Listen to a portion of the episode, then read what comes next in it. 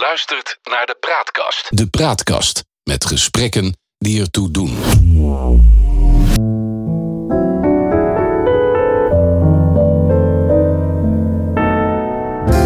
Welkom bij het Geheugenpaleis. Mijn naam is John Knierim en samen met Han van der Horst maken we deze podcast.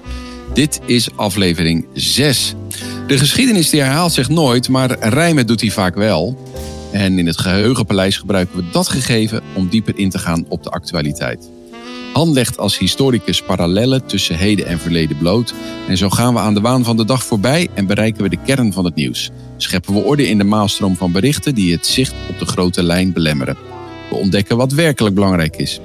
En tussen beide blijkt dat de werkelijkheid vaak genoeg elke fantasie te boven gaat. Het is mijn taak om Han in toom te houden, scherp te bevragen en puntig tegen te spreken. Vandaag aflevering 6. Han, goedendag. Fijn dat je er weer bent. Het is mij een genoegen om weer aanwezig te zijn.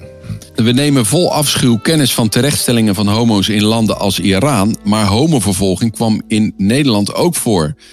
Zo'n 200 jaar geleden, op 9 maart 1803, wordt Jilles Bruggeman op de grote markt van Schiedam publiekelijk aan de galg opgehangen. De officier van justitie eiste de zwaarste denkbare straf. Jilles dient door de scherprechter met de koorde te worden gestraft dat de dood erop volgt. En na Jilles is er in Nederland niemand meer vanwege zijn seksuele identiteit of gender ter dood veroordeeld. Sinds 2015 wordt de Jilles Bruggeman-penning toegekend aan een organisatie of persoon die voorop gaat in de strijd tegen discriminatie en vervolging op basis van geslacht, seksuele of genderidentiteit. Het thema van het afgelopen jaar was zichtbaar en onzichtbaar. En in de categorie zichtbaar is de onderscheiding dit jaar gegaan naar schrijver, programmamaker en tv-presentator Splinter Chabot. En in de categorie onzichtbaar is de prijs uitgereikt aan Sandro Kortenaas. Hij zet zich in voor homoseksuele vluchtelingen. Bij geweld tegen homo's in AZC's uh, is het slachtoffer vaak degene die wordt overgeplaatst, terwijl er geen gevolgen zijn voor de agressor of dat er aangifte wordt gedaan. Chabot schreef een indringend verhaal over zijn coming out. Samen met de bevestigende reacties hierop gebundeld in zijn boek Roze Brieven. En daarin houdt hij Nederland een spiegel voor. Anders zijn is nog steeds een groot probleem. En de prijs werd begin oktober aan hem uitgereikt. Dit is de reactie van Splinter Chabot toen hij hoorde dat hij de prijs gewonnen had. Wat mijn reactie was toen ik hoorde dat deze penning ging winnen. Ik was eigenlijk flabbergasted, omdat ook de reden waarvoor uh, natuurlijk iets heel persoonlijks is. Hè, het roze verhaal, uh, de emancipatie van de LHBTQ gemeenschap. Maar wat ik eigenlijk nog veel indrukwekkender vond, is dat ik natuurlijk even onderzoek ging doen naar de naamdrager van de prijzen, van de penning. En dan, dan, dan lees je dat verhaal, dan denk je daarover na en dan is dat toch wel heel erg bijzonder. je bent maar een, een, een, een een knipmoment in, in de eeuwigheid. Maar dan is het toch heel erg mooi dat je uh, een heel klein puzzelstukje in een heel groter uh, verhaal mag zijn. Ik voel me zeer vereerd. Ik vond het heel erg leuk. En ik, zal, ik kan vertellen dat, uh, dat ik even heb staan huppelen in mijn huis. Han, we staan ons erop voor dat we een tolerante natie zijn. En dan met name richting de LBHTIQ-gemeenschap. Of hoe je dat tegenwoordig ook mag noemen. Ik heb altijd wat moeite om uh, al die uh, verschillende letters uh, erbij te betrekken. Maar iedereen begrijpt wat we bedoelen, denk ik. Um, en uit cijfers blijkt dat de meeste mensen, ver boven de 90%, verklaren dat ze homoseksualiteit accepteren. Maar ze hebben wel wat moeite met homoseksuele uitingen in de openbaarheid. Wat me nou zo bijzonder bezighoudt is, hoe, hoe was dat nou vroeger? Um, in de Oud-Hollandse wet van voor 1795, zeg maar de wetgeving van de Gouden Eeuw, was homoseksuele handelingen verrichten zwaar strafbaar. Daar kon je de, daar kon je de doodstraf voor krijgen. Uh, dat was gebaseerd op bijbelse gronden.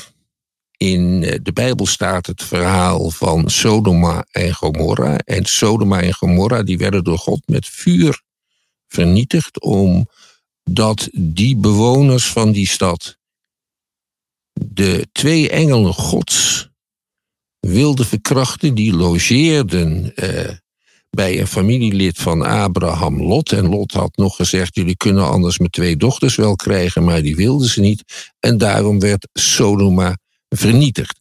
Dan staat er in Leviticus, dat is een wetboek in het Oude Testament dat uh, homoseksuele handelingen verrichten een gruwel is. Het wordt op één lijn gezet met uh, bestialiteit, met het offeren van kinderen aan de god Moloch. En met het tegelijkertijd trouwen met een moeder en haar dochter, dat is overigens het allerergste. En uh, homoseksuele handelingen verrichten moet eindigen in de doodstraf voor beide partners. Dus daar is die wetgeving op gebaseerd uit ja, dus, de dus, oude Hollandse tijd. Dus eigenlijk een bijbelse wetgeving is dat? Ja. Hoe was het dan voordat de Bijbel er was? Nou, als je naar de Grieken en de Romeinen gaat, uh, gaat kijken, dan, uh, dan is het allemaal heel anders. Uh, bij de oude Grieken was het zo dat je als adolescent van redelijke afkomst een mentor kreeg, of liever gezegd, zo'n mentor drong zich aan je op en die leerde jou dan vechten op het slagveld en allerlei sportdingen en hoe je in het leven moest staan. En die relaties die hadden ook een erotisch element. Zulke adolescenten die werden efebe genoemd en die groeiden daarna, en als ze 21 waren, zo'n beetje overheen dan kwamen ze op een leeftijd dat ze zelf efebe gingen nemen en, en bovendien trouwden. Dat was bij de Grieken zo. En bij de Romeinen zat het al dus. Uh, voor de Romeinen telde de vrije man, daar ging het om. En de vrije man heeft de beschikking over zijn eigen lichaam, de totale vrije beschikking. Dat betekent dat hij zich nooit kan geven in een seksuele relatie. Een vrouw wel. En verder mannen die, zoals de Romeinen dat in het Latijn noemden, infaam waren. Dan hebben we het over slaven, over mannelijke prostituees en over muzikanten. Dus het was heel normaal dat een officier die dat kon betalen, een seksslaaf meenam op veldtocht. Zo iemand heette een, een concubines.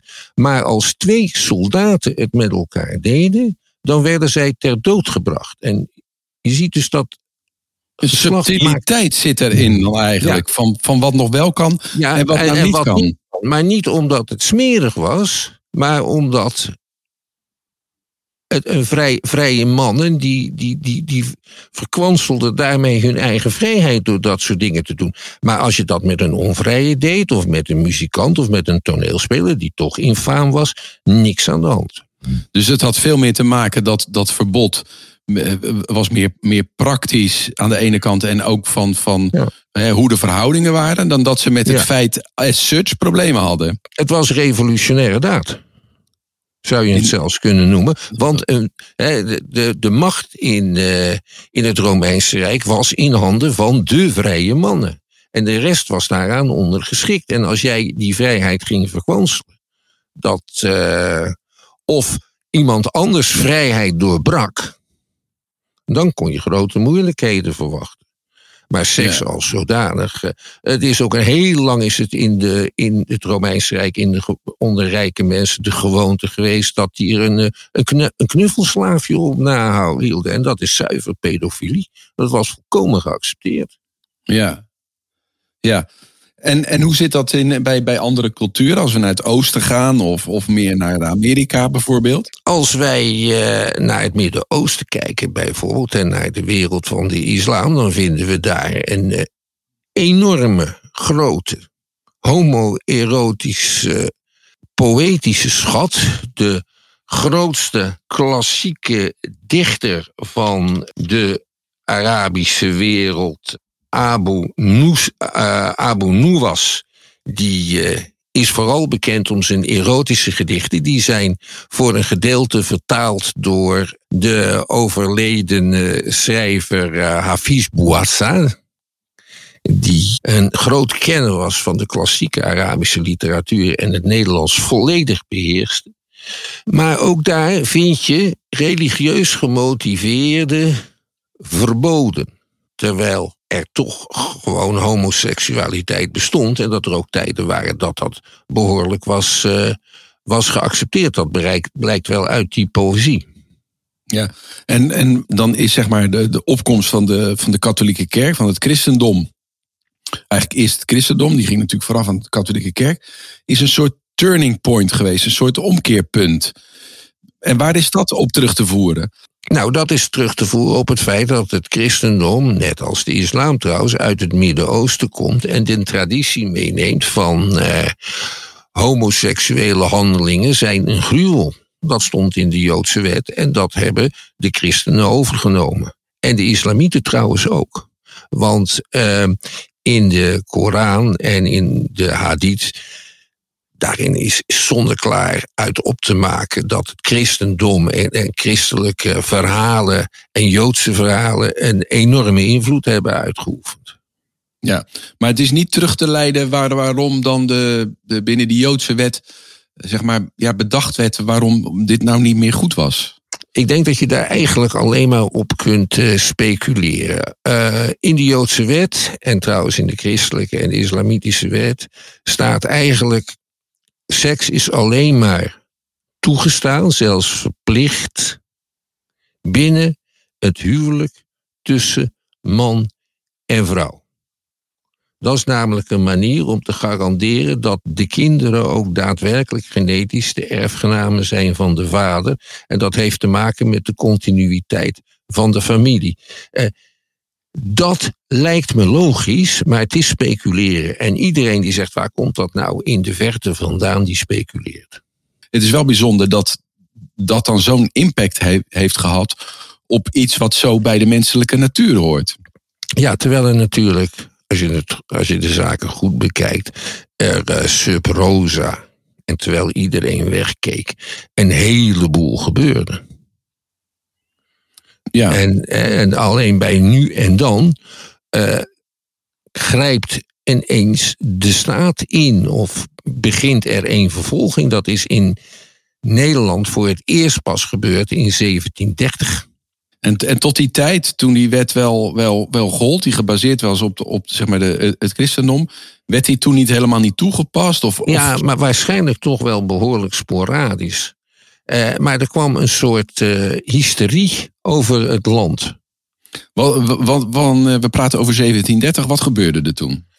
Uh, de storenwachter van de Dom, die kon vanuit zijn oorswoning zien hoe in ingestorte gedeelten van de Utrechtse Domkerk, die toen nog niet waren opgeruimd, homoseksuelen met elkaar ontmoetingen hadden. Of laten we eerder zeggen, mannen ontmoetingen hadden om homoseksuele handelingen te verrichten. Ja, we zouden dat, dat een cruisingplaats noemen. Ja, dat was het ook. En um, dat vond hij schandalig. Dat bracht hij aan.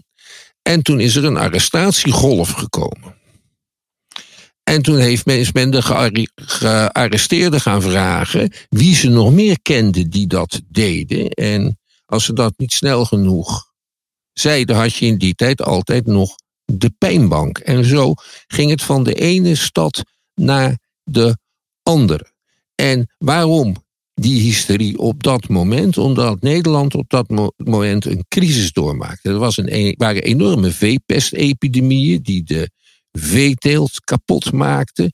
Er waren paalwormen die de beschoeiingen van de dijken opaten. Dat uh, paalworm is een schaaldier die was met schepen uit het Caribisch gebied naar uh, naar Nederland gekomen. Dat was allemaal heel bedreigend en er waren dominees die zich het verhaal van Sodoma en Gomorra voor de geest haalden en zeiden: God straft Nederland weer. Nu op een andere manier, niet met vuur, maar met paalwormen.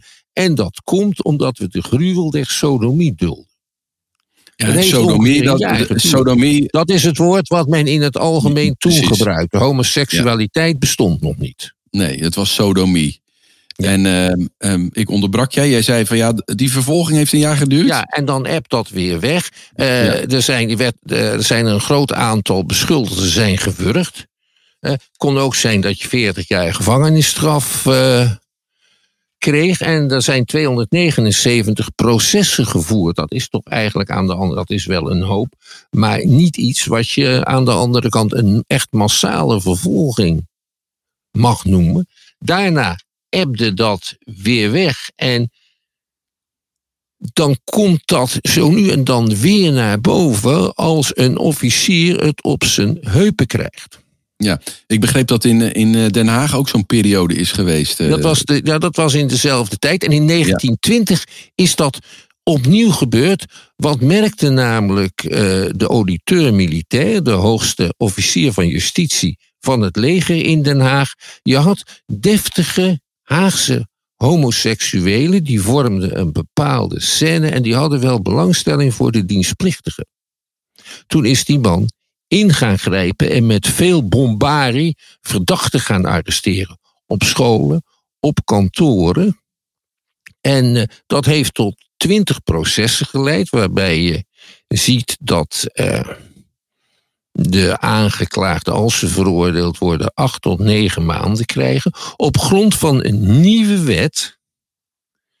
Uh, die homoseksuele handelingen verbood als een van de partners beneden de 21 jaar werd. Maar die auditeur militair is gestopt omdat hij te hoge mensen bereikte. Bijvoorbeeld de pleegzoon van uh, dokter Bredits, de grootste Rembrandt-kenner ter wereld toen, voormalig directeur van het, uh, van het Mauritshuis. En die ging even langs bij de secretaris-generaal van Justitie. En daar ging ook langs jonkheermeester uh, jonkheermeester Schoerer. En dat was een jaargenoot. En die had ook een pleegzoon trouwens. Een jaargenoot van, de, de, um, van die secretaris-generaal. En nou, toen is dat allemaal meteen gestopt. Dat komt toen nog. Die meester Schoerer is zeg, de vader van de homo-emancipatiebeweging in Nederland. Die heeft ja. al in 1911, toen die wet werd ingevoerd van 21 jaar brochures geschreven waarin hij uitlegde dat homoseksualiteit een normale toestand was in de menselijk lichaam. Hij was uh, aan, aanhanger van de, een van de aartsvaders van de seksuologie, Magnus Hirschfeld, en die zei homoseksuelen vormen een derde geslacht naast zuivere mannen en zuivere vrouwen, maar het is normaal.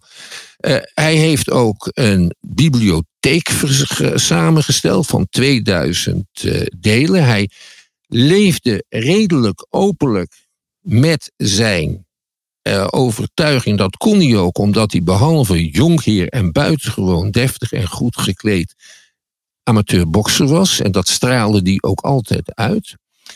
Um, en die heeft zich door niets of niemand laten weerhouden. Zijn bibliotheek is nog door de nazi's in beslag genomen en hij is oud genoeg geworden om, geworden om eerlid te worden van het COC. Maar hij is de grote voorloper en hij verdient wat dat betreft waardering, gedenkstenen en straten. Ja, even, even, even terug hè. Want dus op, op in 1911 kwam er de zedelijkheidswetgeving van minister, hoe heette die minister? Minister Robert Regou van de katholieke partij. Was natuurlijk een, was een professionele minister. Ja. Hij wist een wet door de Tweede Kamer te krijgen die al heel lang in de week lag en waar Abraham Kuyper, de grote stichter van het politieke protestantisme, al een, uh, een rol bij speelde. En die wet die uh, was tegen de zedeloosheid en tegen het gokspel trouwens, de gokverslaving. En ja. daarin werd pornografie moeilijker gemaakt. Daarin kwam die leeftijdsgrens, de hogere leeftijdsgrens voor homoseksuele contacten ja, in voor. En, want uh, voor, uh, voor, he, voor heteroseksuelen was de leeftijdsgrens gewoon 16 jaar, toch? Was 16 jaar, ja. Ja. En toen hebben ze voor homoseksuelen de leeftijdsgrens tot 21 verhoogd. Ja, Wat natuurlijk ook... problemen leidde als je vriendje uh, ineens 21 werd en jij nog 19 was. Ja, en dan werd die wet ook gehandhaafd. Er zijn heel wat homo's in, om die reden in de gevangenis gekomen op hun 21ste. Omdat ja. een vriendje 20 of 18 of 19 was, waar ze al jaren een relatie mee hadden. Ja, en, en waarom werd die leeftijdsgrens op 21 gesteld? En, en waarom werd die zo goed gehandhaafd? Wat was daar de reden dan voor? Volgens Schorer omdat ze niet durfden homoseksuele handelingen als zodanig altijd buiten de wet te stellen. Omdat ze dat niet door de Tweede Kamer hadden gekregen en daarom hadden ze maar gekozen voor de next best. Althans, dat is zijn stelling en hij was bang dat het tot een totaalverbod zou komen. Ja, ja, dus het was eigenlijk een beetje een oplossing zoals Van Acht ook wel bedacht had in dit kader. Dat je geen pornobioscopen mocht hebben. Maar uiteindelijk mochten ze er wel komen, maar er mochten maar zoveel stoelen in komen. Of je zou kunnen zeggen een Lubriaanse oplossing. Uh, indachtig uh, de voormalige minister-president Lubbers, die ook altijd van dat soort rare ja, kronkelingen erin bedacht, omdat het dan wel geaccepteerd zou worden door de Tweede Kamer. Het is Hollands polderen. Maar het heeft ja. mensen heel erg ongelukkig gemaakt. En ja, heel veel schade gedaan. Want die wet die is nog uh, behoorlijk lang uh, gehandhaafd. Met een van de opponenten daarbij dan die, die Jacob Schorer. Er is toch ook een stichting ooit naar hem genoemd? Ja, en dat is niet voor niks. Dat verdient hij ook wel. En want ja, hij heeft een heel moeilijke tijd voor homoseksuelen... toch zeg maar, de nog niet bestaande regenboogvlag geheven. Openlijk. Aan de andere kant, uh, een relatie onderhouden, uh, een homoseksuele relatie onderhouden, dat was voor mannen wel, uh, wel lastig. er waren wel rijkere homo's die hadden dus een pleegzoon als de partner jonger was. Dat had die Bredius bijvoorbeeld. En die pleegzoon van hem uh, dat is later een heel bekend kunsthistoricus ook geworden. En de eerste directeur van het Bredius Museum in Den Haag. Wat ik iedereen aanraad om te bezoeken, want er zijn prachtige schilderijen. Uh, of je had een huisknecht. En in 1963, geloof ik, kwam er voor het eerst een tv-uitzending van Achter het Nieuws. Uh, waarin Koos Postema één lid van een homoseksueel samenlevend echtpaar portretteerde. Dat wil zeggen van achteren, want zijn gezicht durfde die nog niet te laten zien. En daarin wordt uitgelegd, die mensen wonen al tientallen jaren samen en de schoonouders zijn zelfs na aanvankelijke afwijzing bevriend geraakt. En dit was de eerste tv-uitzending waarin uh, min of meer werd gehint dat homoseksualiteit normaal was en dat ze die rare wetten maar eens moesten afschaffen. Ja, en uh, volgens mij werd dat interview uh, ook uh, gehouden met Benno Premselaar. kan je wat over hem vertellen? Nou, laten, we eerst even, laten we eerst even luisteren naar een stukje van Benno Premselaar. Bestaat er nog veel tegenwerking? Eigenlijk kunt u beter het woord begrip gebruiken. Het begrip in grote steden is toch wel groter dan in de provincie. Het is voor de mensen veel moeilijker in de provincie om, uh, om zich bloot te geven, om ongecamoufleerd te leven dan in de grote steden. En uh, het komt inderdaad helaas wel voor dat, uh, dat wij bij het opzetten van ons werk moeilijkheden ondervinden buiten de grote steden. Kunt u een voorbeeld van dergelijke moeilijkheid noemen? in Eindhoven hebben wij bij het oprichten van een van een eigen sociëteit uh, bijzonder grote moeilijkheden ondervonden, helaas. En uh, we hebben dus ook ons, uh, onze activiteiten wat dat betreft moeten staken. Meneer Premselaar, vindt u het wel verstandig om in een land waar toch nog veel weerstanden tegen de homoseksualiteit bestaan, met een stichting als Dialoog zo naar buiten te treden? Ik geloof ehm, dat we inderdaad in, in Nederland op het punt zijn gekomen dat we meer naar buiten kunnen treden. Nou, dat was uh, niet Koos Postema die hem uh, interviewde, maar Benno Premsela is dus eigenlijk de eerste openlijke homoseksueel op de Nederlandse televisie geweest. Uh, zeker. En dat is ook de grote man achter het COC. En die zou je de intellectuele opvolger van die Schorer kunnen noemen. Hij was vooral actief na de Tweede Wereldoorlog en heeft op welsprekende wijze de homoseksualiteit proberen uit te leggen aan de Nederlandse bevolking, proberen uit te leggen aan de Nederlandse bevolking dat homoseksualiteit, dat dat een normale seksuele voorkeur was. Ja. Ja, en, en uit dat COC zijn, zijn later uh, uh, wat meer militante groeperingen voortgekomen. Ja, ik herinner mij uit mijn studententijd nog de rode flikkers aan de Universiteit van Amsterdam. COC, dat betekent overigens contact- en ontspanningscentrum. Hè. Moet je nagaan. Uh, een andere naam was toch te gevaarlijk. En de voorloper van het COC, direct na de bevrijding opgericht, dat heette de Shakespeare Club. Ja, allemaal bedekte termen om, uh, om maar uh, die activiteiten te, uh, te kunnen. nee, want anders was er gedonder gekomen. Hadden ze geen ja. zaaltje kunnen huren, nee, geen, geen pand kunnen betrekken. Want dan had men met zo'n smerige organisatie geen zaken gedaan. En dan heb ik het over de jaren 50. Hè? Ja.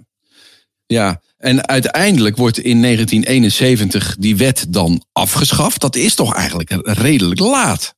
Ja, hoewel als je naar andere landen kijkt, dan zie je dat ook rond die tijd gebeuren. Het heeft ook een beetje met de emancipatiebeweging, de culturele emancipatiebeweging van de jaren 60 te maken. En dat al die oude, rare, niet uitlegbare normen en waarden vrij snel op, in de prullenbak terechtkwamen. In diezelfde tijd uh, wordt ook pornografie niet langer door de overheid uh, vervolgd. Uh, het gaat zelfs zo ver dat diezelfde Koos Postema nog wel eens een groot uur heeft uitgezonden waarin werd uitgelegd dat pedofilie dat dat toch ook wel een heel interessante seksuele variant was waar kinderen erg van konden profiteren. Dus dat kwam op een gegeven moment een, een enorme liberalisering op dat gebied.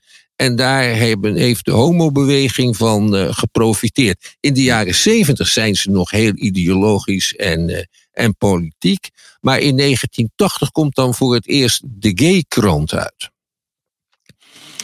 En dat is decennia lang een heel groot zakelijk succes geweest. Maar die Gay-krant, uh, die streefde, laten we zeggen, niet uh, de revolutie na. Dat was een krant die je als, uh, als gay, lange tijd een uh, gebruikelijke term, nodig had om te weten waar je uit moest gaan en om te zien wat voor prestaties andere gays op alle terreinen leverden. Dus dat is een stap naar normalisering en daar zit, zit het radicalisme niet meer in. Ja. Uh, tegelijkertijd in de slipstream daarvan uh, kwam de hele Pride-beweging op. Uiteindelijk leidend uh, tot de, de Kennel Pride zoals we die hier hebben. En daarachter kwam ook weer uiteindelijk een soort bezegeling, een, een acceptatie van het, het homohuwelijk. Maar even terug zeg maar, naar ja, de vervolgingen. je zegt dus eigenlijk dat die tot 1971 ook hebben plaatsgevonden. Maar Splinter Chabot die zei ook nog wel wat interessants op uh, uh, de uitreiking van die uh, Gilles Bruggeman-penning. Ja, hij hield een, een speech waarin hij de penning doorgaf aan Richard. En hij vertelde dat hij een brief had gekregen. En daarin kon het verhaal voeren van Richard, die in het kader van zijn coming out door de familie helemaal in elkaar gehoekt was daarna bij de briefschrijver langskwam, op de bank geslapen had en de volgende dag zelfmoord pleegde. En Splinter Chabot gaf symbolisch die penning aan Richard. En die staat symbool, zoals hij het zei, voor alle jongens en meisjes die nog steeds, heden ten dagen, door hun omgeving in een hoek worden gedrukt, waaruit zij maar één uitweg denken te hebben.